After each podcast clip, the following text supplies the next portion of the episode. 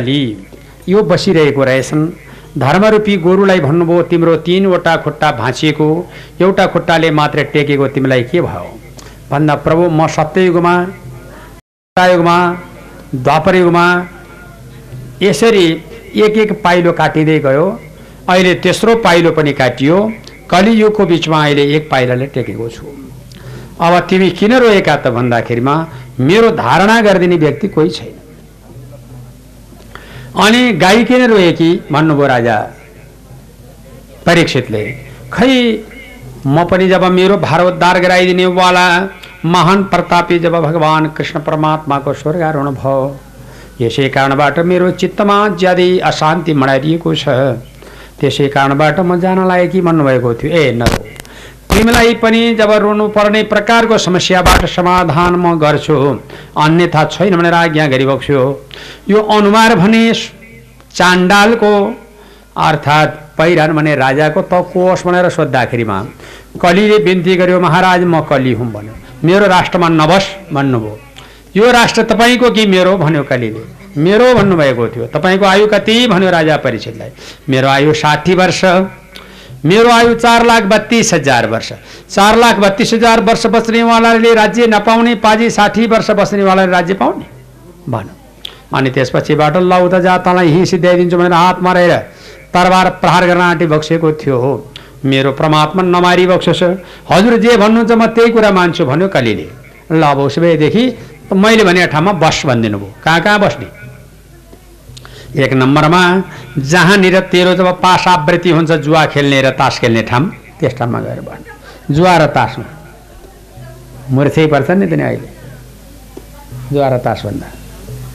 छोरी मान्छेले पनि थाले के? खेल खेल्छन्? खेले खेले के जेसै गरौँ।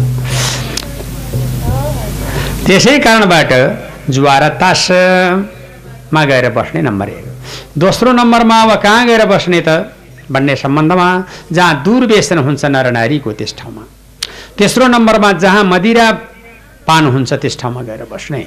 यसरी तिन ठाउँको व्यवस्था मिलाइसकेपछि एउटा असल प्रकारको ठाउँ पाम प्रभु भनेर बिन्ती गर्दा अब धातुमा सुन चाँदी हिरा मोतीमा पनि गएर बस्नु भन्ने आदेश प्रदान गरिबक्स्यो अब त्यो सुन चाँदी हिरामती त्यो धातुमा गएर बस्ने त्यो प्रकारको आदेश प्रदान गरिबक्सेपछि लौ त मेरो ईश्वर म कसो गर्ने?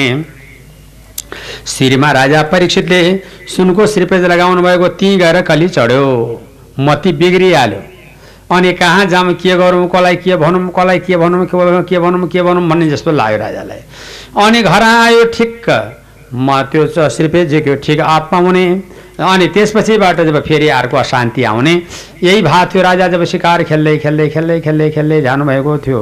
जब सिकार खेल्दै खेल्दै खेल्दै खेल्दै खेल्दै जाँदाखेरिमा एउटा डरलाग्दो प्रकारको जब महाराज जब यस किसिमबाट ऋषि जटाजुट यहाँ जब ऋषि भगवत भक्तिमा चित्त लगाएर प्रभुको पा प्रार्थना गरेर बसिरहनु भएको रहेछ ओ ऋषि मलाई पानी ल्याऊ भने।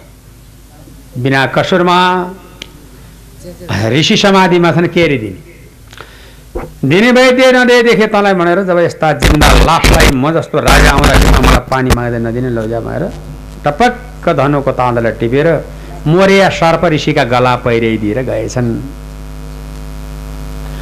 सम्यक ऋषि अनि सम्यक ऋषिका छोरा श्रृङ्ग ऋषि घर आउनुभयो। तपाईँको बुबाको त गलामा मरेको सर्प झुन्नाइदिएको छ कुन दुष्ट आत्माले भनेपछि उहाँले रुँदै भन्नुभयो जसले मेरो पिताजीका गलामा मरेको सर्प झुन्नाइदिएको छ त्यसलाई आजका सात दिनका दिनमा तक्षक भन्ने नागराजाबाट डसेर मर्नु परोस् भन्ने श्राप पर्यो अनि सात दिनका दिनमा तक्षकले डसेर मर्नु पर्ने ब्रह्मश्राप परिसकेपछि या या आथु पोल्यो पोल्यो।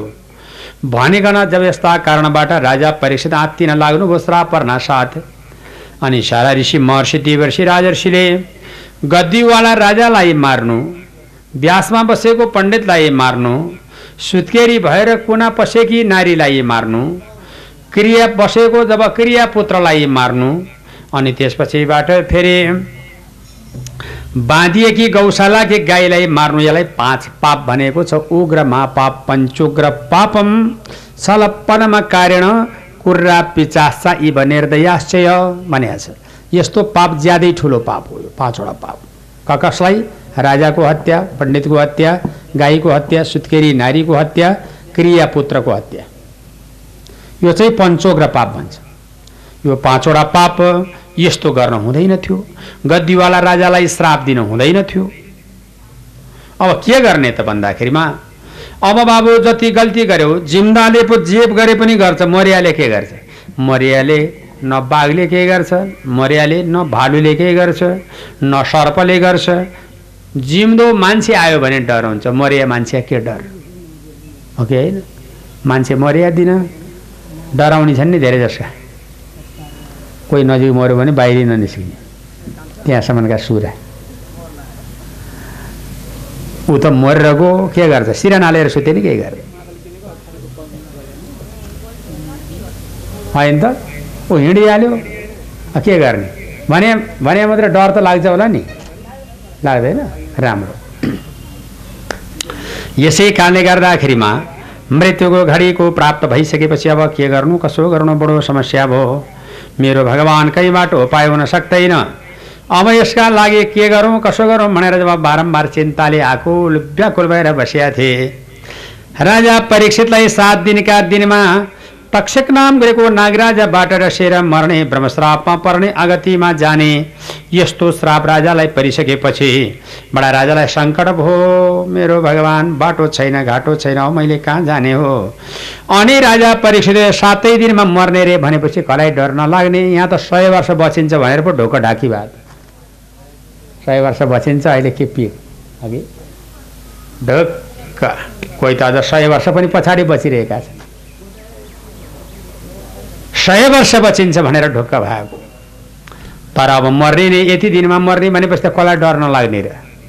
मर्न पाए नि हुन्थ्यो त भन्छन् नै भन्न त मान्छे। मलाई मर्न पाएन भने त काल कहाँ गयो होला पनि भन्छन् भन्नु त। बिरक्ति लागेन उयो घुर्किएका नै। अँ त्यति भनिदिएपछि नमर नमर तैँले जे भन्छस् त्यही तिमीलाई भन्छन् भएर र त्यसै कारणले लौ त। अब त्यति भएपछि अब मर्नका लागि अठोट। यो निर्णय भयो राजा परीक्षित सात दिनका दिनमा मर्ने अगतिमा पर्ने। सद्गति प्राप्त गर्नका लागि के गर्न पर्ला मेरो गुरु भनेर आज्ञा गरी बक्सँदाखेरिमा राजा परीक्षित कहीँ उपाय हुन सक्दैन अब तपाईँको मृत्यु हुने भयो मेरो महारानी बपुष्ठमा लौ त तिमी राम्रोसँग बस। अब मैले छोडेर जानुपर्ने भयो चारवटा छोरा छौ मध्येमा जेठो छोराले राज्य गद्दी सुम्पा गर अरू तिन भाइले दाजुलाई सघाऊ दाजुले भाइलाई माया गर। अब म जाने बेला भयो जो जो भयो भयो रानी तिम्रो र मेरो आज साठी वर्षको उमेरको बादमा फेरि बिछोड हुन आँट्यो। अब मसँग तिमी जान नपाउने तिमी मसँग जान र म तिमीसँग जान नपाउने। संसारको खेल यस्तै हो मेरो महारानी भनेर रानीलाई राजाले भन्दा रानीमा कति चिन्ता लायो ल राजा सात दिनका दिनमा मर्ने अगतिमा पर्ने। मेरो राजाले मलाई छोडेर जाने। डाँको छोडेर रुँदै हुनुहुन्थ्यो नरौ नरौ नरौ। संसार यस्तै यो चार भाइ छोरालाई मुखेर बस। राजाले हुकुम बक्सेपछि राजा रानी डाँको छोडेर गइरहेको बेलामा अहिले जङ्गलपट्टिको प्रस्थानको लागि। भगवत भक्तिमा परब्रह्म परमात्मामा नारायण वासुदेवको चिन्तन गर्दै घरबाट निस्कनु भयो। र त्यसपछि नारायण वासुदेव नारायण वासुदेव भन्दै भन्दै भन्दै।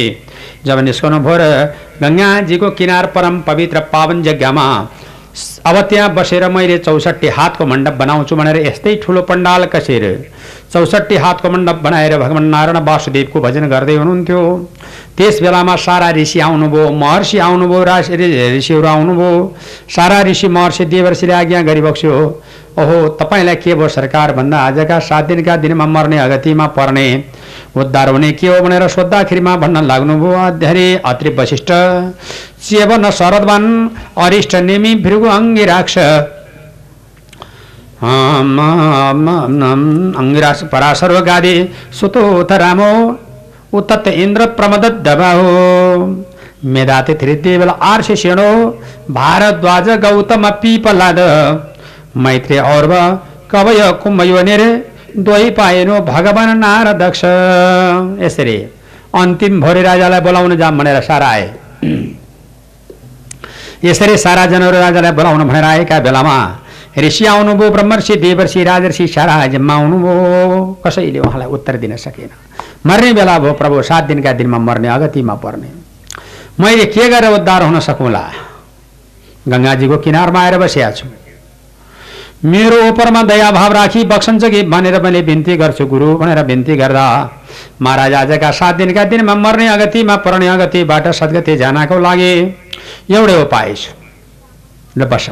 ठक्क बस्नुभयो अनि सुखदेव स्वामी महाराज परीक्षितको हजुरमा जब सात दिनका दिनमा तक्षक भन्ने नागराजबाट डसेर मर्नुपर्ने ब्रह्मश्राप पर्यो रे भन्ने बुझेर सवारी हुनुभयो किन त बन्धु चिनिने विपत्ति महा भनेको छ दाजुभाइ चिनिन्छ रे आपत्ति पर्दा पत्नी चिनिन्छ धनदान सकिँदा श्रीमती चिनिन्छ रे पैसा नभए बेला त्यस्तो बता छ पैसा नि छैन धान नि छैन चामल नि छैन केही नि छैन पकाउने कुरो नि छैन लाउने कुरो नि छैन। त्यो बेला श्रीमती चिनिन्छ।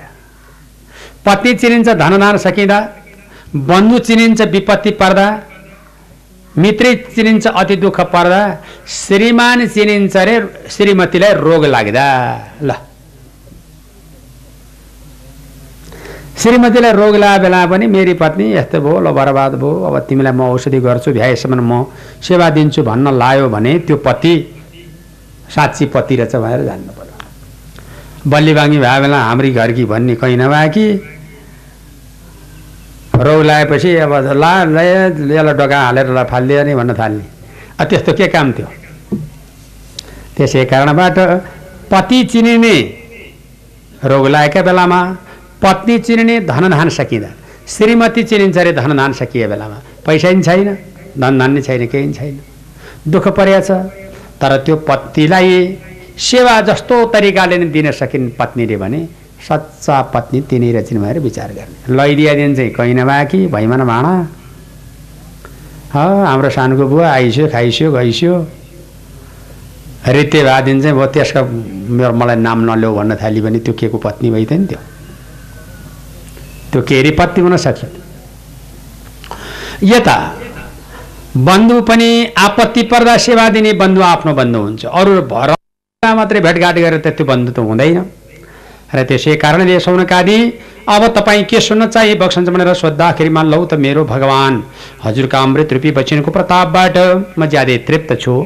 अब बन्धु चिनिने त्यो विपत्तिमा दाजुभाइ चिनिने आपत्ति र विपत्ति पर्दा दाजुभाइ बन्धु वर्गादि चिनिने हुनाको कारणले राजा परीक्षितलाई सात दिनका दिनमा तक्षक नाम गरेको नागराजाबाट डसेर मर्नुपर्ने ब्रह्मश्राप परेको कारणले ब्रह्मश्रापबाट उद्धार हुनको लागि अहिले श्रीमद् भागवत महान ग्रन्थको पुस्तक च्यापेर सुखदेव स्वामी सवारी हुनुभयो कसरी बन्नु पर्यो त राजा परीक्षित र सुखदेव स्वामी भनेर यो प्रश्न गर्नेले प्रश्न गरिहाल्नुभयो एउटा पराशरको नाति व्यासका छोरा सुखदेव स्वामी एउटा जब अभिमन्युका छोरा अर्जुनका नाति राजा परीक्षित यो त कसरी पर्छ यिनीहरूको दाजुभाइको नाता पर्नको मूल कारण के? भनेर सोद्धाखेरिमा यसो छ।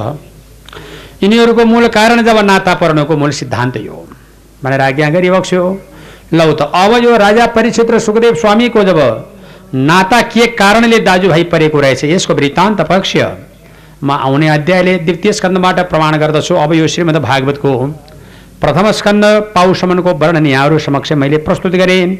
यो पहिलो कन्द प्रभुको पाउ दोस्रो कन्द गोलीगाँठा तेस्रो कन्द घुँडा चारौँ कन्द तिग्रा पाँचौँ कन्द जाङ चाइ छैटौँ कन्द कट्टी सातौँ कन्द नाभि अष्टम स्कन्द छाती नवम स्कन्द घाँटी दशम स्कन्द मुख एकादश स्कन्द दुई आँखाको बीच द्वादश स्कन्द तालु यो श्रीमद् भागवत सम्पन्न।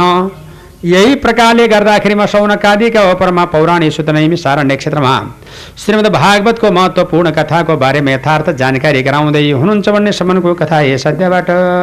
जय बोलो श्रीमद् भागवत महापुराणको। हे नाथ नारायण वासुदेव श्री कृष्ण गोविन्द हरे। नाथ नारायण वासुदेव नाथदेव भजा नाथदेव नाथदेव भजा ओ नाथदेव भजा भजा वासुदेव भजा वासुदेव वासुदेवं भगवासुदेव नवासुदेवाय हरा परमात्मे नाथय गोविन्दाय नमो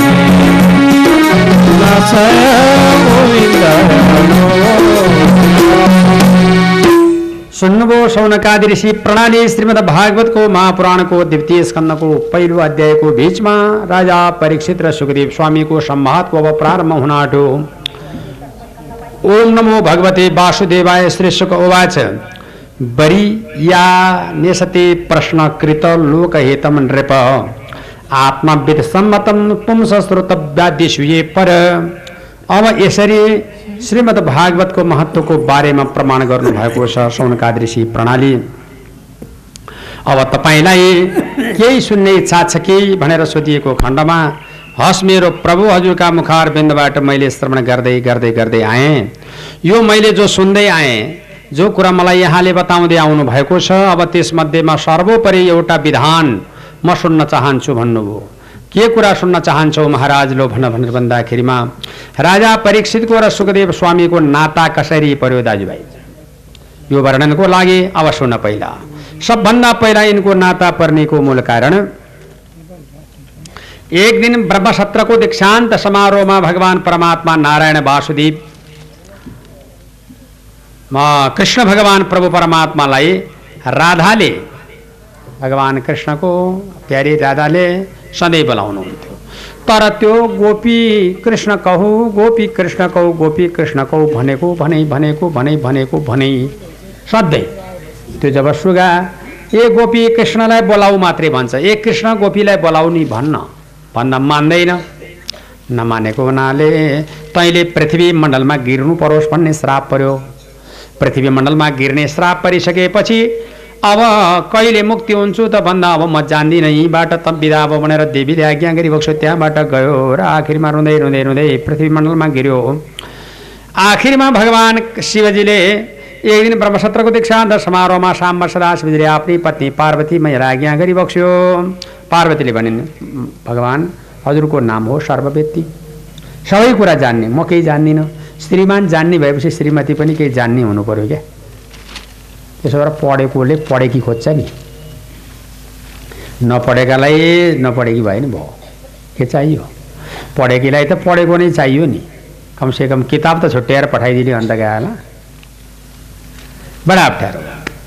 ल ठिकै छ ल त्यसो भने राम्रै भयो भनेर जब यस किसिमबाट साम शिवजीले भन्नुभयो तिमी के चाहन्छौ भन्दा मलाई ज्ञान बक्सिस् प्रभु भने। के ज्ञान? भनेर सोद्धाखेरिमा अरू कुरा मलाई केही चाहिँदैन। ब्रह्मोपदेशका प्रभावबाट। लौ त उसबेदेखि म ब्रह्मोपदेश प्रदान गराउँछु भनेर ब्रह्मोपदेश प्रदानका लागि, तयारी थियो। अब म ब्रह्मोपदेशका लागि, तयारी भइसकेपछि अन्ततो गत्वा बडा समस्या भयो बडा कष्ट भयो बडो समस्या भयो कहीँबाट उपाय हुन सकेन र आखिरमा एकान्त जग्गामा ज्ञानका भण्डार सारा बताउँदै जानुभयो बताउँदै बताउँदै बताउँदै बताउँदै बताउँदै जाँदा सारा कथा बताइसक्नुभयो र अनि त्यसपछिबाट तिमी कथा सुन्ने म भन्ने बडो ध्यानपूर्वक सुन्ने नि फेरि कथा त। भन्दा हस् भनेर टल्ल सुनिरहेको थिएँ। कहिले कहिले सही भयो हजुर हजुर भन है।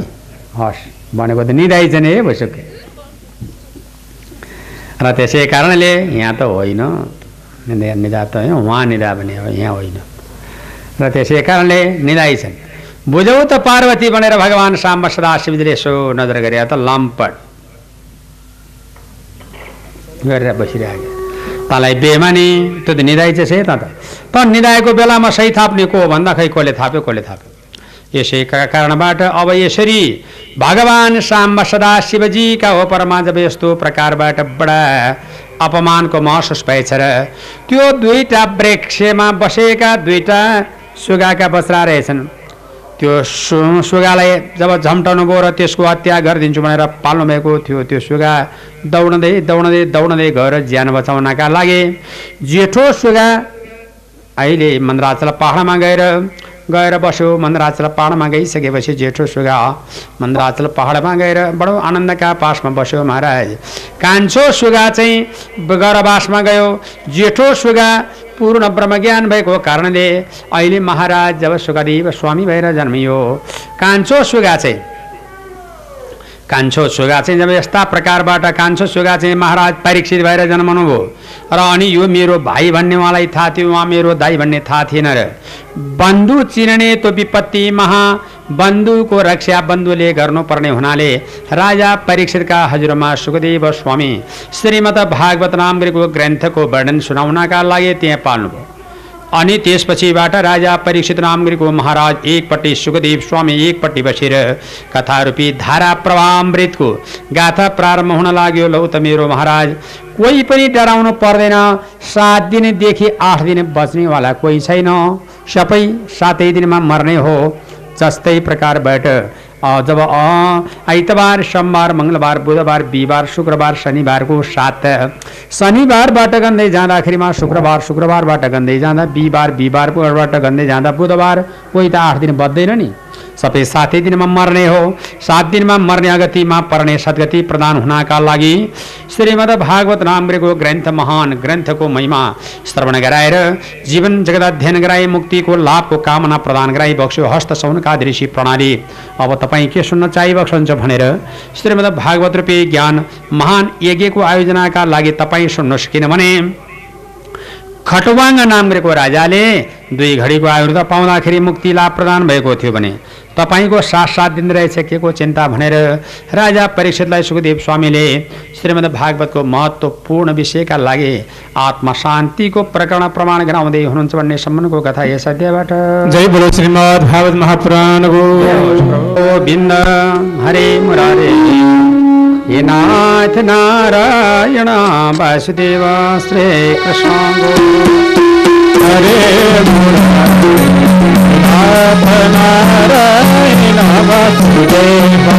वासुदेव भज वासुदेव भज वासुदेव भज ओ वासुदेव भज भज वासुदेव भज वासुदेव भज वासुदेवं भज वासुदेव कृष्ण वासुदेवाय हर्या परमात्मने कृष्ण गोविन्दाय नमो नमः अब श्रीमद् भागवतको प्रथम अनि द्वितीय स्कन्दको पहिलो अध्यायको बिचमा यहाँलाई मैले बताएँ अब दोस्रो अध्यायको बिचबाट भगवान् परमात्मा परमेश्वर जगतका मालिकको महिमाको वर्णन बताउँछु। महाराज परीक्षित तपाईँ कति धन्दा नमान्नुहोस्। मर्नु अवश्य मेव छ डराउनु हुँदैन। सत्याम कित किसो सत्याम छितो किम कसिपो प्रयासै। बाहु सुशुद्धै उपवरणै किम यसरी बताएको छ। सत्याञ्जलो धन पुरधान्न पात्र दिग्वत कलादो सतिकम दुकुलै। हामीसँग सबै कुरा छ भन्छ क्या? नबुझ्नको कारणले केही पनि नभए जस्तो भइयो। आकाशलाई छाता मान्दी भइगयो पृथ्वीलाई सैया मान्दी भइहाल्यो हातलाई सिरानी माने भइहाल्यो हातलाई जब यो अञ्जलीलाई भाँडो सम्झी भइहाल्यो टिपेर खाने। विश्व सबैका सामग्रीहरू आफैसँग छ अन्यथा हुन सक्दैन सबै आफैमा निहित छ। राजन परीक्षित कट्टीदेखि तल सात लोकको परिकल्पना गर्नुहोस् सातदेखि कट्टीदेखि माथि सात लोकको परिकल्पना गर्नुहोस् अतल वितल सुतल तलातल र सातल पातल महापातल कट्टीदेखि तल। कट्टीदेखि माथि भूरलोक भूवरलोक महरलोक जपलो जनलोक तपलोक स्वरलोक र सत्यलोक कट्टीदेखि माथि यसरी विश्व ब्रह्माण्डलाई आफैमा निहित गर्नुहोस् तर कुन चाहिँ देवताको भजन गर्ने प्रभु भनेर राजा परीक्षितले सोधि बक्सेको थियो। अब कुन चाहिँ? भगवानको भजन गर्ने। भनेर सोधिएको खण्डमा हाम्रा त देवता धेरै छन् हिन्दू संस्कृतिमा। भनेर सोद्धाखेरिमा त्यो त विभागीय हाकिम हो महाराज जस्तो जलको मालिक वरुण।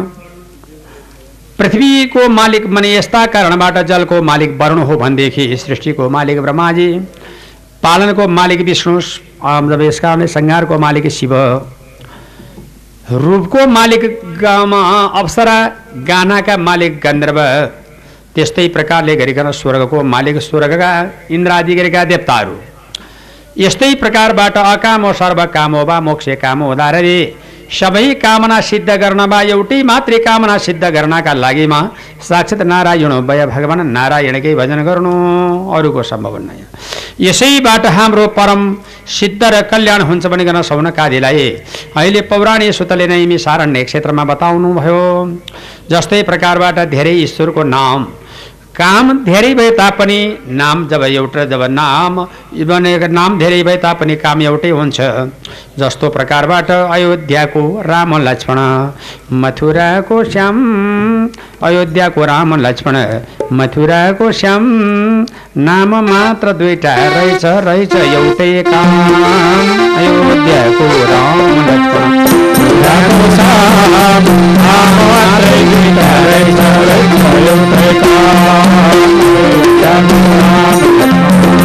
मथुराको श्याम नाम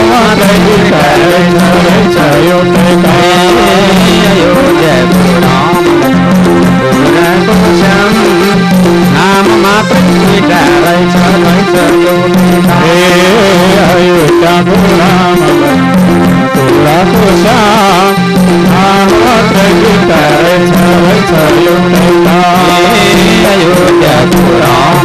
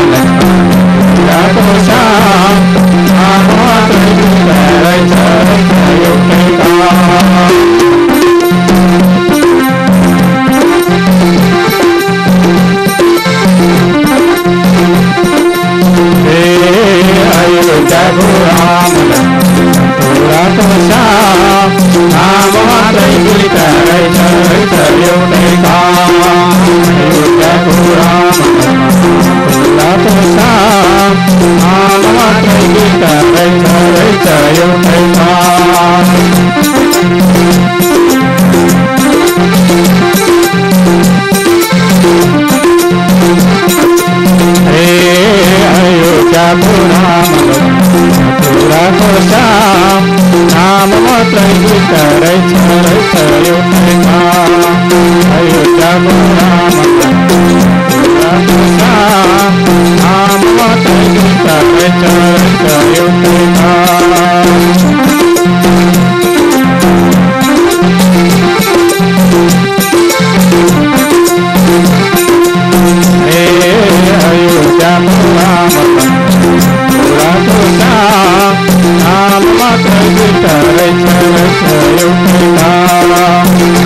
अयोध्याको राम मथुराको श्याम नाम मात्रै दुईटा रहेछ रहेछ एउटै काम अयोध्याको राम लक्ष्मणको श्याम नाम मात्रै दुईटा रहेछ रहेछ एउटै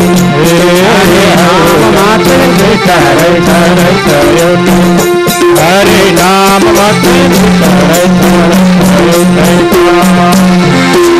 भगवानको धेरै प्रकारका स्वरूप र सद्भाव तर काम एउटा।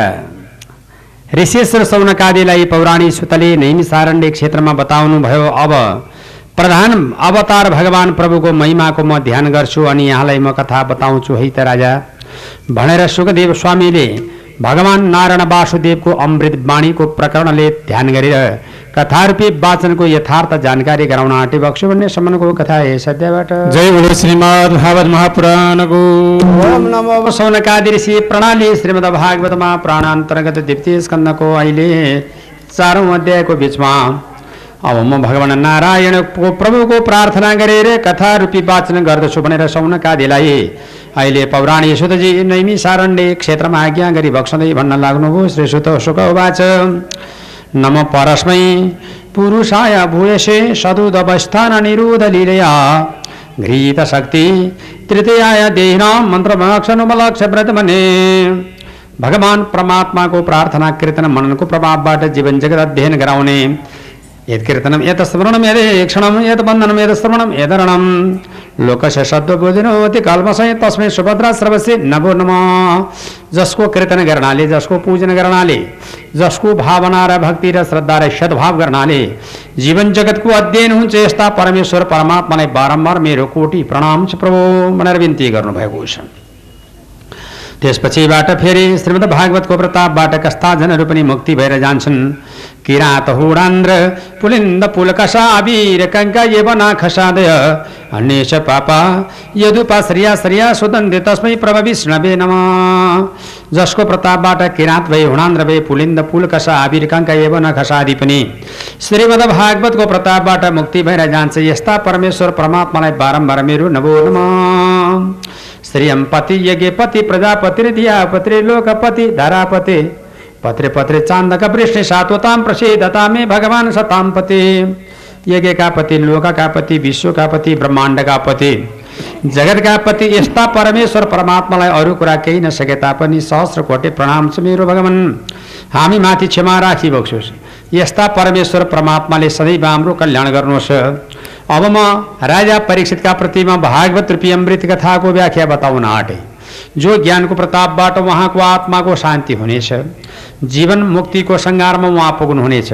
हामी श्रवण गर्नेवाला व्यक्तिहरूलाई आत्माले शान्ति पाउनेछ यस्तो श्रीमद् भागवतको महत्त्वपूर्ण कथालाई राजा परीक्षितका हजुरमा सुखदेव स्वामीले सम्बोधनयुक्त भागवतको महिमा सारा बताउन लाग्नुभयो।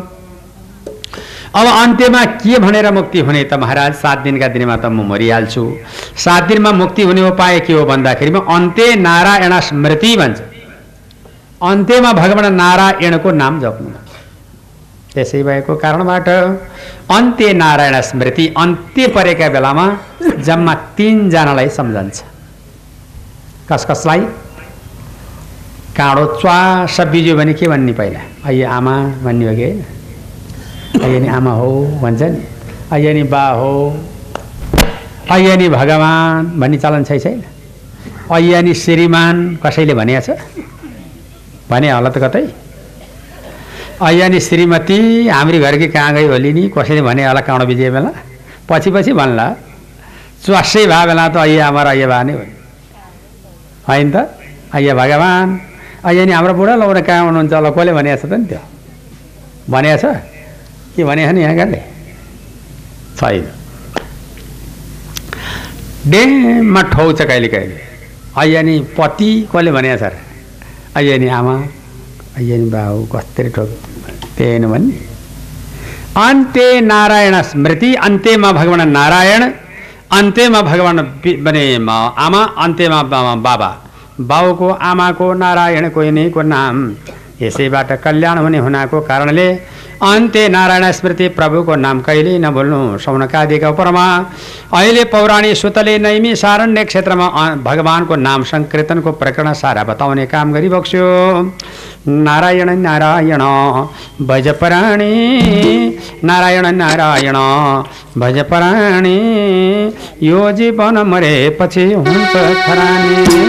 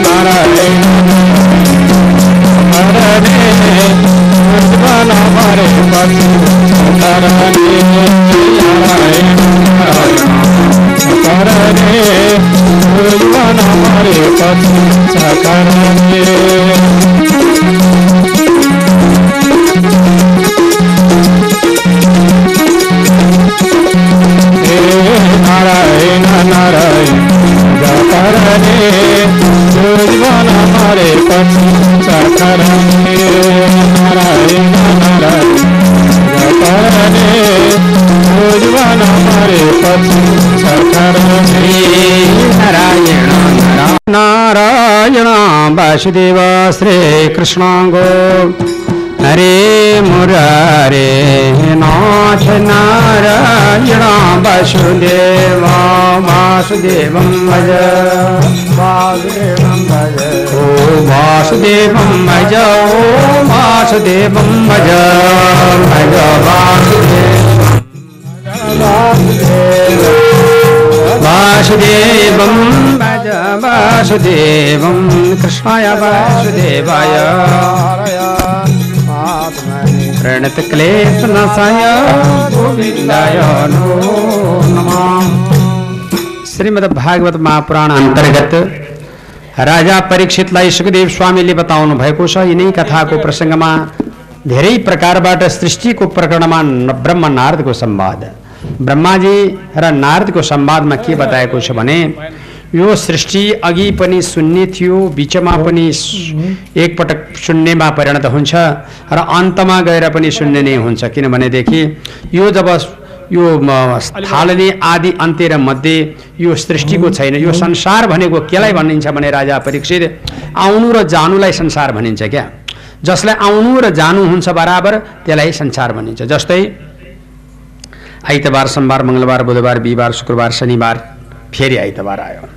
वैशाख जेठ आषाढ साउन भाद्र असोज कार्तिक मङ्सिर पुष माघ फागुन चैत फेरि वैशाखै आयो। अश्विनी भरुणी कृतिका भन्दै लो फेरि अश्विनी नै आयो। अनि त्यसपछिबाट फेरि जब मेष वृष भन्दै लो मिन भयो फेरि मेषै आयो। यसै कारणबाट आउनु जानु जानु आउनु कहिल्यै नटुङ्गिनु जस्तै घडीको यन्त्र जस्तो बाह्र बज्यो। त्यहाँदेखि उता बन्दिने ठाउँ छैन फेरि एक बज्न परिगयो होइन त?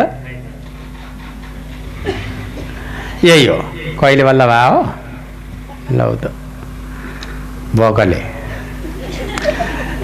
र त्यसै कारणले अब यो संसारै यस्तै हो आउनु जाने जाने आउने कहिले पनि यसको विश्राम हुन सक्दैन फेरि यसको सार पनि छैन वर्ष्यो भने दसैँ आएछ हाम्रो दिन आउनु दसैँ त आगो पनि आइहाल्छ पोर्ने आएको माया सङ्क्रान्ति सधैँ आउँछ साउन सङ्क्रान्ति सधैँ आउँछ चाडबाड सधैँ आछन् तिज खान तिज दरखान दिन सधैँ आछन् होइन कतिखेर खाइयो खाइयो होला चालिस बयालिस बेर कतिखेर खाइएन तर आखिरमा जब अब त्यस्ता दिन आइरहन्छन् तर लास्टमा गएर यो साथमा केही नजाने कुराको निधो यही हो संसार जो संसार भनेको आउने जाने जाने आउनेको क्रम यसको चक्र घडीको यन्त्र। यसको कुनै प्रकारबाट रोकिने नरोकिने यसको जब गति बारम्बार गएको गने यसको जब नरोकिने यसलाई भनिन्छ संसार विशेष रसाउनकारी जसमा सार छैन त्यसलाई भन्छ संसार। अब यो संसारको वर्णन बताएँ। अब जीवन जगत अध्ययन भगवत भक्तिमा परमात्माको प्रार्थना जब त्यसपछिबाट कर्तव्य माथिको बोधको पहिचानको लागि ऋषेश रसौनकाजीलाई पौराणिक सुतले नैमी सारण्य क्षेत्रमा आज्ञा गर्नुभयो राजन। अब यसदेखि पछाडिबाट अब ब्राह्मण क्षेत्री वैश्य शूद्र बनिन्छ। यो ब्राह्मण क्षेत्री वैश्य शूद्र बने क्या हो? ब्राह्मण क्षेत्री वैश्य शूद्र बनेको एक बाउका चार भाइ छोरा हुन्। बाहुन भनेको चाहिँ अति चतुर अति पढाइया अति तिखो जिब्रो भएको त्यो बाहुन। बनाएछन् क्या त्यसलाई चाहिँ? निष्ठामानी छ ब्राह्मण पनि छन् सुर सरसफाइ पनि छ नीति पनि छ सिद्धान्तले पनि पूर्ण भएको छ त्यसलाई ब्राह्मण भने। क्षेत्रीको अर्थ तिनवटा हुन्छ। क्षेत्र भनेको शरीर क्षेत्र भनेको पृथ्वी क्षेत्रफल भन्छ नि भन्दैनन्? क्षेत्र भनेको हात। यसै कारणले यसलाई भनिन्छ क्षेत्री पृथ्वीको हातले शरीरको र पृथ्वीको रक्षा गरिदिने हुनाले उनको नाम हो क्षेत्री। यसरी क्षेत्री वैश्य भनेको के हो भन्दाखेरिमा धनी। वैश्य भन्नासाथ धनी भइहाल्छ। नेवार भयो गुरुङ मगर राई लिम्बू यी सबै धनी। यी चाहिँ जब तब धनी मनीमा जान्छन्। किन? हातले मोछ्यो मुख हालिदियो। हात भनेको छेत्री मुख भनेको बाहुन सलक्क निल्यो पेटा थुप्रिहाल्यो पेट भनेको वैश्य। यही हो। यसै कारणले अरू जातले व्यापार गर्यो भने तिर लाग्दैन। त्यो बाहुन टाठो हुँ भनेर व्यापार गर्न आउँछ त्यो एक वर्षमै सकिएर उकाल लगाइहाल्छ फेरि। त्यो जब वैश्यहरू ज जब म उनीहरूलाई भगवान्ले दिएको आज एक लाखको व्यापार म आगो दुई लाखको हुँदै जान्छ उनीहरूको त्यो बढ्दै पो जान्छ। बाहुनको चाहिँ सकिएर केही न केही टट्टु टाट लाग्ने बाटो।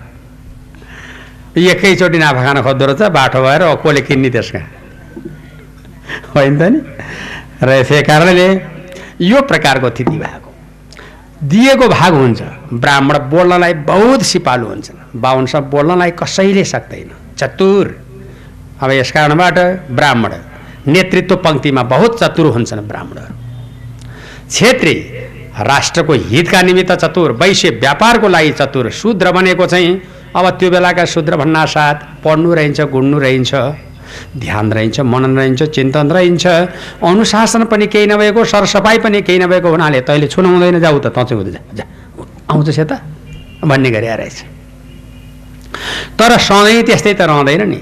सफा भएर आइसकेपछि सुधार्ने शूद्रको अर्थ परगल्ने होइन। शूद्र शूद्र शूद्र तिमी सुध्रँदै आऊ यसरी सुधार्दै ल्याउनुपर्छ। त्यसो भयो भने समसामयिक सबैको हितको काम हुन्छ। राजा परीक्षितलाई ब्राह्मण क्षेत्री वैश्य शूद्र चार जातको वर्णन विस्तार यहाँलाई मैले बताएँ जम्मा चारवटा जात र छत्तिस वर्ण हुन्छ। चार जात भनेको को हो? अण्डज उद्भिज जरायुज स्वदेज। अण्डज फुलबाट उत्पादन हुनेको एउटा जात। रोपेर उम्रने दुई जात। काटेर भाब्रा सर्ने त्यसलाई तिन जात। अण्डज उद्भिज स्वदेज आफ्नो शरीरको पसिनाबाट तयारी हुने जुम्रा उपियाँ आदि यी चाहिँ मैलबाट तयारी हुने। यो चार जात यहाँभन्दा पाँच जात छैन जम्मा चार जात मात्रै। कहीँ छ त पाँच जात? छ त? अण्डज उद्भिद जरायुज स्वदेश यो चार जातदेखि बाहेक अरू छैन। छत्तिस वर्ण भने क्या हो? थाहा छ? छत्तिस वर्ण भनेको जब राई लिम्बू गुरुङ मगर दराई कुमाल इत्यादि भन्दै जानु होला। त्यस्ता होइन। जनजातिलाई छत्तिस वर्ण भने होइन।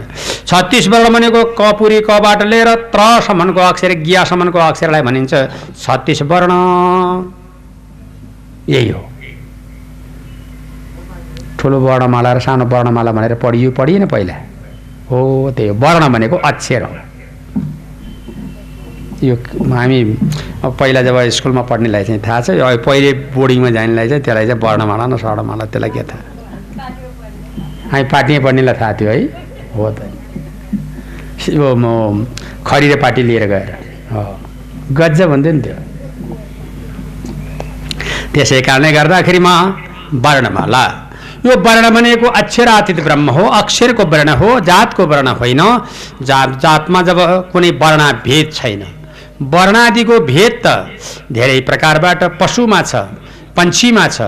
या जीवात्मामा छ मानिसमा मानिसैको पनि वर्णको भेद हुनसक्छ कहीँ। जब वर्ण दुई किसिमको हुनसक्छ तिन किसिमसम्म हुनसक्छ एउटा पुरुष एउटा स्त्री एउटा नपुसक त्योसम्म हुनसक्छ।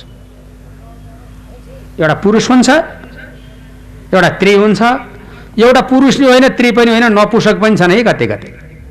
हो त्यस्तासम्म तिनसम्म हुनसक्छ।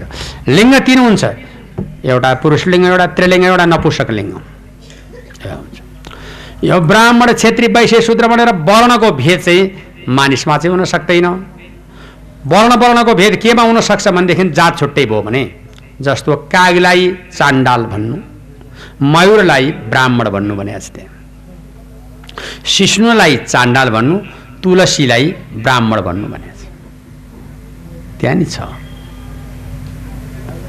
अनि त्यस्ता कारणले गरिकन यो वर्णादिको भेद।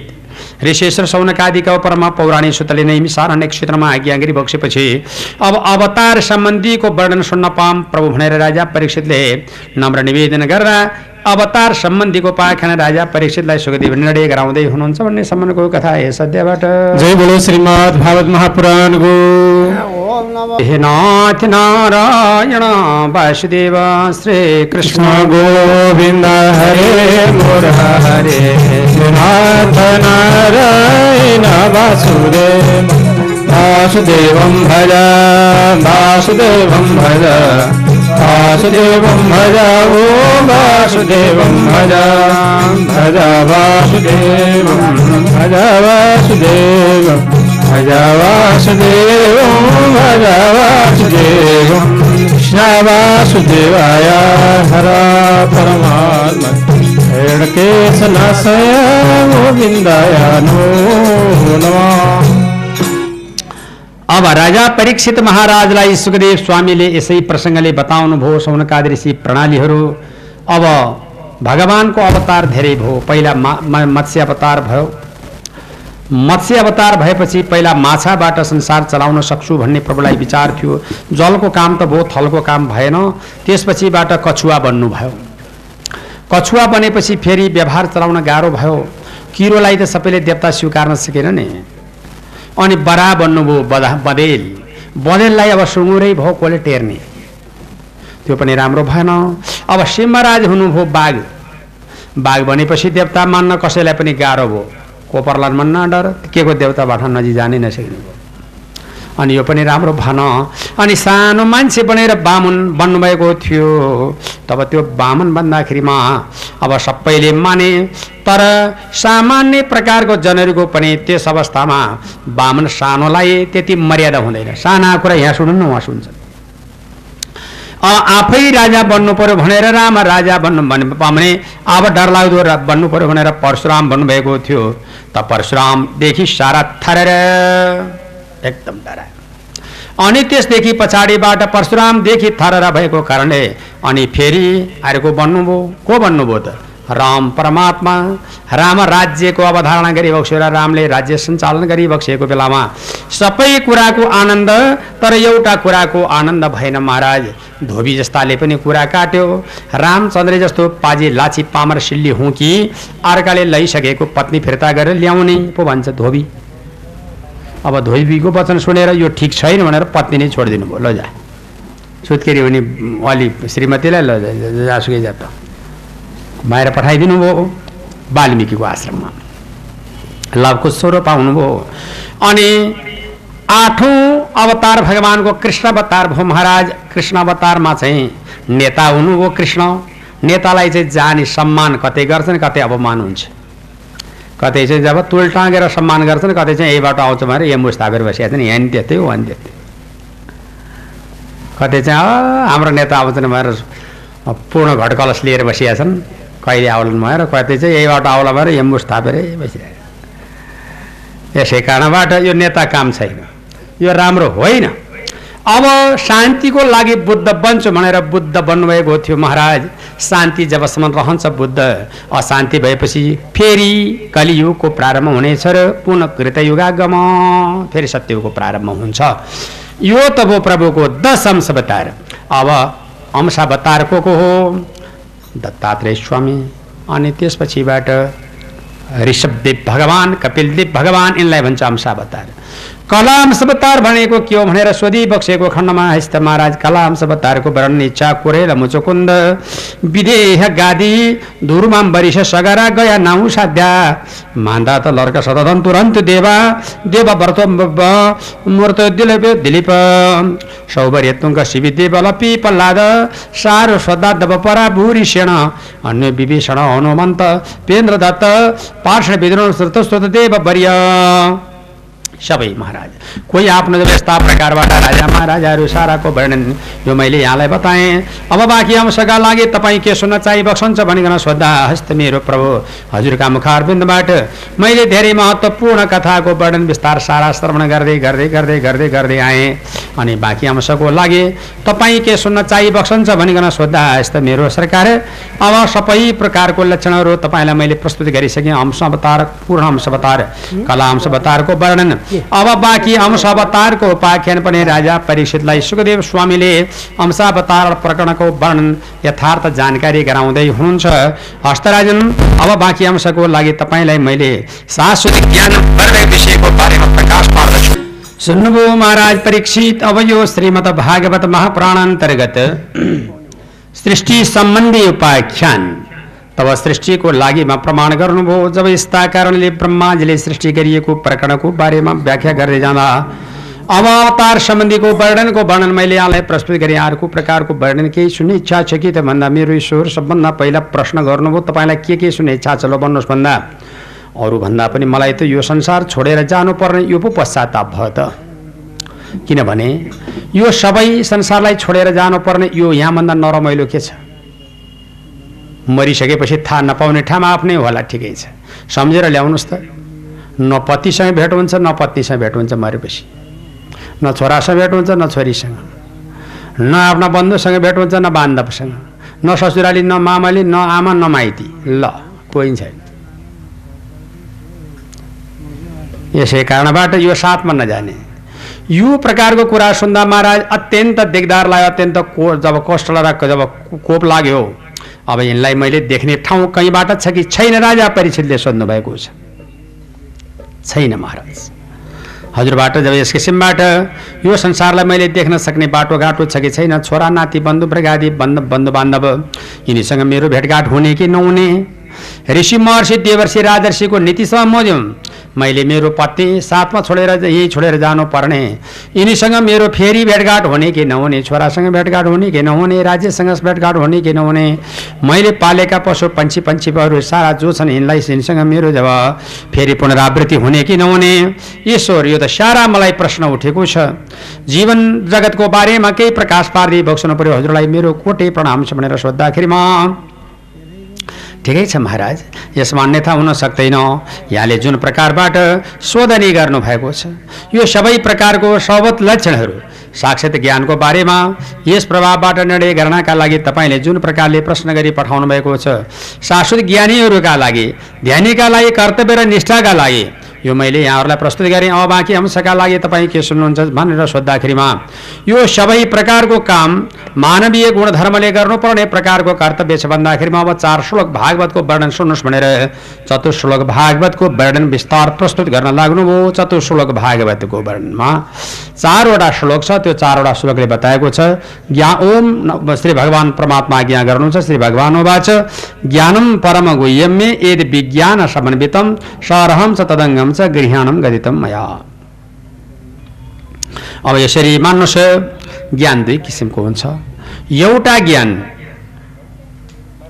शास्त्रोक्त पद्धति अर्को ज्ञान अनुभवात्मक शास्त्रोक्त पद्धति भनेको शास्त्रले यो गर्न हुन्छ यो गर्न हुन्न भन्ने त्यो शास्त्रको ज्ञान अब हाम्रो यहाँ बताउँछ धेरै शास्त्रका ज्ञानहरू यो गर्न हुन्छ यो गर्नुहुन्न यो गर्यो भने यो सजाय हुन्छ यो गर्यो भने यो फाइदा हुन्छ। फाइदा र बेफाइदाको प्रकरण यसले बताएछ यसलाई भन्छ शास्त्रोक्त ज्ञान। अर्को अनुभवात्मक ज्ञान छ। अनुभवात्मक ज्ञान भनेको के हो? भनेर सोधिएको खण्डमा त्यो अनुभवात्मक ज्ञान भनेको यस्ता प्रकारबाट खाएर जान्ने छोएर जान्ने जस्तो छोएर जान्ने चिसो छोएर जान्ने तातो? खाएर जान्ने अमिलो पिरो टर्रो गुलियो नुनिलो तितो। आदि आदि यस्ता प्रकारले यसलाई पनि ज्ञानै भनिन्छ। यो चाहिँ खाएर जब अनुभव प्रभावबाट जान्ने अर्को शास्त्रको पद्धतिबाट जान्ने त्यसलाई भनिन्छ अनुभवात्मक प्रकारको ज्ञान। ऋषेश्वर सौनकादिका उपरमा पौराणिक सुतले नै सारण्य क्षेत्रमा बताउनु भएको छ। जो ज्ञानको वर्णन यहाँलाई मैले धेरै प्रकारको निर्णयहरू प्रस्तुत गर्दै गर्दै गर्दै ल्याएँ। शाश्वत उपदेशको बारेमा तपाईँलाई के सुने इच्छा छ कि त मेरो महाराज? भनेर सोद्धा प्रभु अरू सब ठिक छ। तर एउटा कुराको वर्णन जसमा कि अनुभवदेखि पछाडि पनि र शास्त्रदेखि पनि पछाडि त्यसलाई पनि अगाडि उठाएर लिएर जाने केही छ कि त भन्दाखेरिमा त्यो हो शाश्वत जब तत्त्व उपदेश तत्त्व ज्ञान त्यो तत्त्व भनेको चाहिँ अन्तरात्मामा लुकेको हुन्छ। त्यो अन्तरात्मामा लुकेको पाउन सकिँदैन। जस्तो दुधमा दही लुकिया छै छैन दही पिउँदाखेरिमा माने दुध पिउँदाखेरि दहीको स्वाद त हुँदैन नि। दहीमा घिउ छ नि होइन त? दहीमा जब घिउ छ त्यो दही सबै भुटुन हाल्दा नि लाग्दैन। छैन भनौँ तिन डल्लाका डल्ला रहेछ ती। पछि त पत्ता लाग्छ फेरि।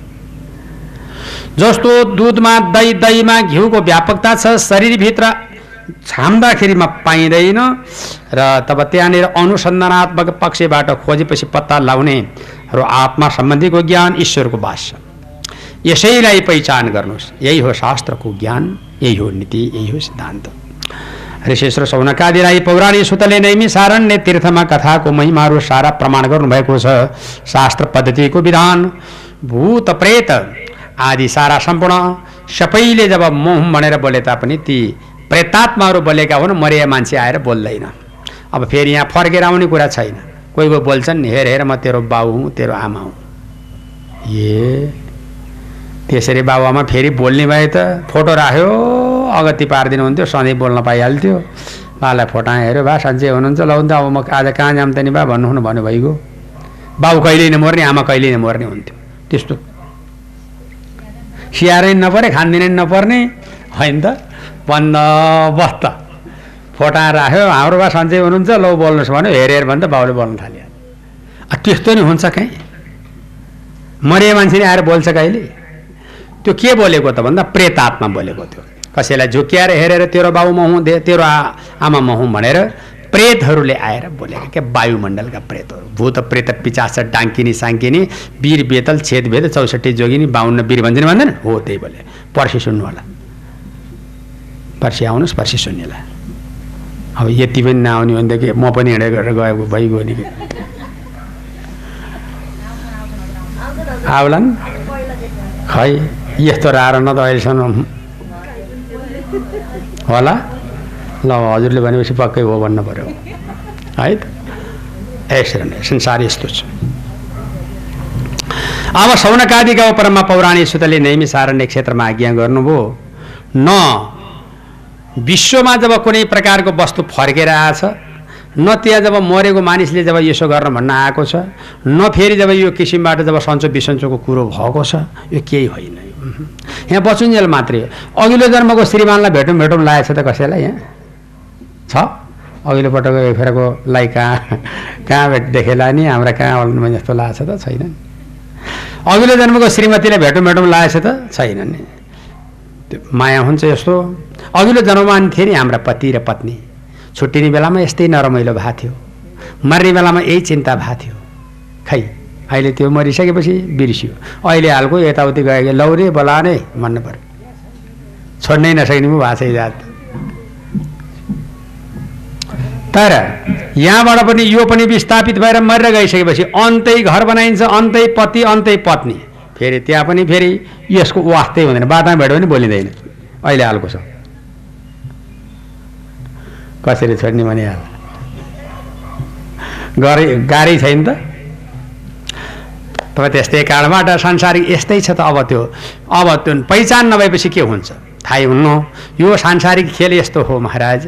यसै प्रकारबाट जीवन र जगत अध्ययन गर्नेवालाले आत्मैव केवलम सर्वे भेदा भेद आफ्नो बन्धु आफै हुन्छ त्यहाँ छोरा नाति पलाती बन्धुवर्ग आदि कोही हुँदैन छैनन् भनौँ भने।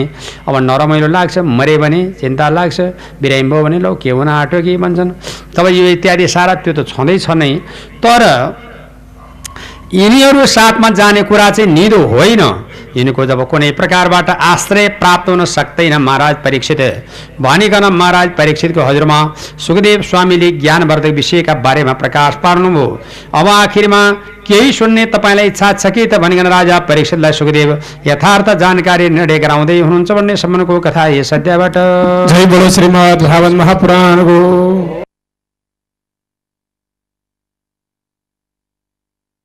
तथापि को समाप्तिमा अध्यायको बिचमा कति कथाको वर्णन गरिन्छ भनेदेखि राजाले धेरै प्रश्न गर्नुभयो मैले यो संसारबाट उम्केर जान बहुत गाह्रो देखेँ प्रभु माया बन्धन रहेछ न छोरालाई छोड्न सकिन्छ न पत्नीलाई न जाय जतालाई माया गर्दिनँ भन्यो सात दिन पछाडि मर्छु भन्ने निदो छ तर खै कति भएको? झटक्कै पो छोएर बसिया चाहिँ। माया नगर्ने त्यो मिल्छ र कसैले। त्यो माया नगर नगर। अब भन्दा हुन्छ। अब कहाँदेखि र कहाँ सुनौँ भएपछि के को? के नगर्ने? माया गर गर। अध्ययनै नसकेलाई कहाँ पाएर गर्ने? कैरखेरी गर्ने। रो रो भन्छन् नि। केरी रुनी आँसु न सासु। अरे। नरो नरो भन्छन्। मुटु नै फुटिसक्यो के नरुनी यसै कारणले यी सारा अप्ठ्यारा कुराहरू छन्। यी चाहिँ के हुन् भने यो प्राकृतिक स्रोत प्रकृतिले दिने कुरा हुन्। माया गर गरिँदैन माया ला लाइँदैन मन रो रोइँदैन हाँस हाँसिँदैन खा खाइँदैन। बन्दै होला कता पाएर खाने?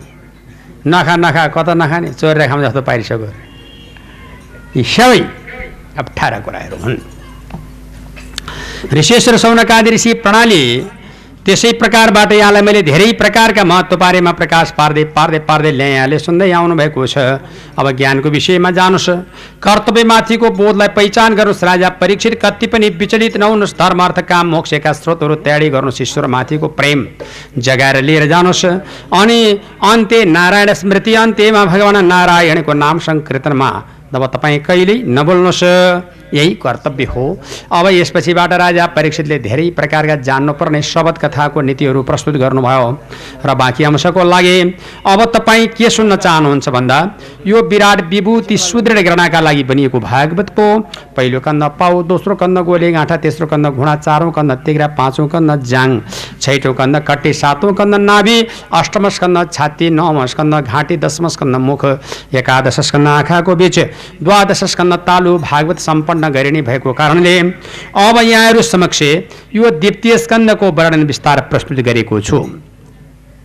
अब तृतीय स्कन्दपट्टिको ध्यान आकर्षण हुन आँटेको छ। अब तृतीय स्कन्दमा तपाईँ के सुन्न चाहिबक्सन्छ सरकार? भनेर सोधिबक्सेको खण्डमा अब तृतीय स्कन्दको ज्ञानको वर्णन जीवन जगत र ईश्वरमाथिको श्रद्धा र सद्भावको पाख्यान यथार्थ प्रकरणले आज्ञा गर्न लाग्नुभयो। हस्त राजन भानिकन सौनकादिका उपरमा पौराणिक सुतले नैमी सारण्य क्षेत्रमा यस श्रीमद् भागवतको तत्त्वोपदेशको वर्णनहरू अब तृतीय स्कन्दमा विदुरको र मैत्रीको संवादको लागि पहिला विदुरको र अर्थात् जसलाई भनिन्छ उद्धवको संवाद यस अध्यायले प्रारम्भिक चरणको ध्यानको महिमा सारा प्रारम्भ गर्न आँट्नुभयो भन्ने सम्मको कथा यस अध्यायबाट। जय बोलो श्रीमद् भागवत महापुराणको। हस्त आदरणीय श्रोताहरू श्रीमद् भागवत सप्ताहरूपी ज्ञानमा यज्ञ दुई हजार एकसट्ठी काठमाडौँको महानगरपालिका अन्तर्गत सानो गौचरणमा आजभन्दा ठिक तिन वर्ष अगाडि स्वर्गवासी श्री पाँच महाराजा धीराज वीरेन्द्र र श्री पाँच बडमारानीको दुःखद असामयिक निधन राज परिवारको भएको त्यो दुःखद घटनालाई स्मृति गर्दै सम्झना गर्दै उहाँहरूका नाममा दिवाङ्गत आत्माको श्रद्धाञ्जली अर्पण गर्ने उद्देश्य राखेर संस्थागत रूपबाट अहिंसावादी मञ्च र अर्थात् आयुष अम, श्री पाँच ऐश्वर्य अम, स्वास्थ्योपचार केन्द्रको प्रभावबाट यस श्रीमद् भागवत सप्ताह ज्ञानमा आयोगको आयोजना आज हामी हिजो पूर्वाङ्ग गऱ्यौँ। राष्ट्रकवि श्री माधव प्रसाद घिमिरेको बाहुलीबाट र आज यस कथाको प्रारम्भ हामीले गरेका छौँ र यसमा आजको दिन पहिलो दिन हो। अलि मानिसहरूको मन्दिर ब्यो वारिसी जस्तो। मेरो सन्तानै अर्थात् मलाई राज्य सञ्चालन पक्षमा आवश्यकता पनि छैन। मैले राज्य सञ्चालन दुर्योधन नामगिरीको महाराजको दुर्वाच्यबाट विदुर महाराज काका कान्छाले राज्य सञ्चालन पक्षलाई छोडेर उहाँ बद्रीका आश्रममा जानुभएको थियो। धेरै कली यो बसिरहेको रहेछन्। धर्मरूपी गोरुलाई भन्नुभयो तिम्रो तिनवटा खुट्टा भाँचिएको एउटा खुट्टाले मात्र टेकेको तिमीलाई के भयो? भन्दा प्रभु म सत्ययुगमा त्रेतायुगमा द्वापरयुगमा यसरी एक एक पाइलो काटिँदै गयो। अहिले तेस्रो पाइलो पनि काटियो। कलियुगको बिचमा अहिले एक पाइलाले टेकेको छु। अब तिमी किन रोएका त भन्दाखेरिमा मेरो धारणा गरिदिने व्यक्ति कोही छैन। अनि गाई किन रोएकी भन्नुभयो राजा? परीक्षितले खै म पनि जब मेरो भारोद्धार गराइदिने वाला महान प्रतापी जब भगवान् कृष्ण परमात्माको स्वर्गारोहण भयो।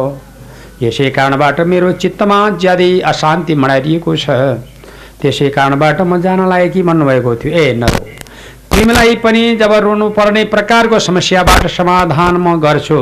अन्यथा छैन भनेर आज्ञा गरिबक्छु यो अनुहार भने चाण्डालको अर्थात् पहिरन भने राजाको त कोष भनेर सोद्धाखेरिमा। कलीले बिन्ती गर्यो महाराज म कली हुँ भन्यो। मेरो राष्ट्रमा नबस भन्नुभयो।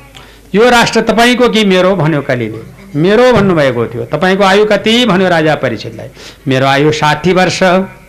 मेरो आयु चार लाख बत्तिस हजार वर्ष। चार लाख बत्तिस हजार वर्ष बस्नेवालाले राज्य नपाउने पाजी साठी वर्ष बस्नेवालाले राज्य पाउने। भन अनि त्यसपछिबाट ल उता जा तँलाई यहीँ सिद्ध्याइदिन्छु भनेर हात मारेर तरबार प्रहार गर्न आँटी बक्सेको थियो हो। मेरो परमात्मा नमारी बक्सोस्। हजुर जे भन्नुहुन्छ म त्यही कुरा मान्छु भन्यो कलीले। ल अब उसो भएदेखि मैले भनेको ठाउँमा बस भनिदिनु भयो। कहाँ कहाँ बस्ने एक नम्बरमा जहाँनिर तेरो जब पासावृत्ति हुन्छ जुवा खेल्ने र तास खेल्ने ठाउँ त्यस ठाउँमा गएर बस्ने जुवा र तासमा। मूर्छै पर्छ नि त नि अहिले। जुवा र तास भन्दा छोरी मान्छेले पनि थाले के? खेल खेल्छन्? खेले खेले के त्यसै गर। त्यसै कारणबाट जुवा र तासमा गएर बस्ने नम्बर एक दोस्रो नम्बरमा अब कहाँ गएर बस्ने त? भन्ने सम्बन्धमा जहाँ दूरव्यसन हुन्छ नर नारीको त्यस ठाउँमा। तेस्रो नम्बरमा जहाँ मदिरा पान हुन्छ त्यस ठाउँमा गएर बस्ने। यसरी तीन ठाउँको व्यवस्था मिलाइसकेपछि एउटा असल प्रकारको ठामपाम प्रभु भनेर बिन्ती गर्दा अब धातुमा सुन चाँदी हिरा मोतीमा पनि गएर बस्नु भन्ने आदेश प्रदान गरिबक्स्यो। अब त्यो सुन चाँदी हिरामती त्यो धातुमा गएर बस्ने त्यो प्रकारको आदेश प्रदान गरिबक्सेपछि लौ त मेरो ईश्वर म कसो गर्ने? श्रीमा राजा परीक्षितले सुनको श्रीपेज लगाउनु भएको ती गएर कली चढ्यो। मती बिग्रिहाल्यो। अनि कहाँ जाऊँ के गरौँ कसलाई के भनौँ कसलाई के भनौँ के भनौँ के भनौँ के भनौँ भन्ने जस्तो लाग्यो राजालाई। अनि घर आयो ठिक्क। म त्यो श्रीपेजीको ठिक आत्मा हुने। अनि त्यसपछिबाट जब फेरि अर्को अशान्ति आउने, यही भएको थियो राजा जब सिकार खेल्दै खेल्दै खेल्दै खेल्दै खेल्दै जानुभएको थियो। जब सिकार खेल्दै खेल्दै खेल्दै खेल्दै खेल्दै जाँदाखेरिमा एउटा डरलाग्दो प्रकारको जब महाराज जब यस किसिमबाट ऋषि जटाजुट यहाँ जब ऋषि भगवत भक्तिमा चित्त लगाएर प्रभुको पा प्रार्थना गरेर बसिरहनु भएको रहेछ, ओ ऋषि मलाई पानी ल्याऊ, भने।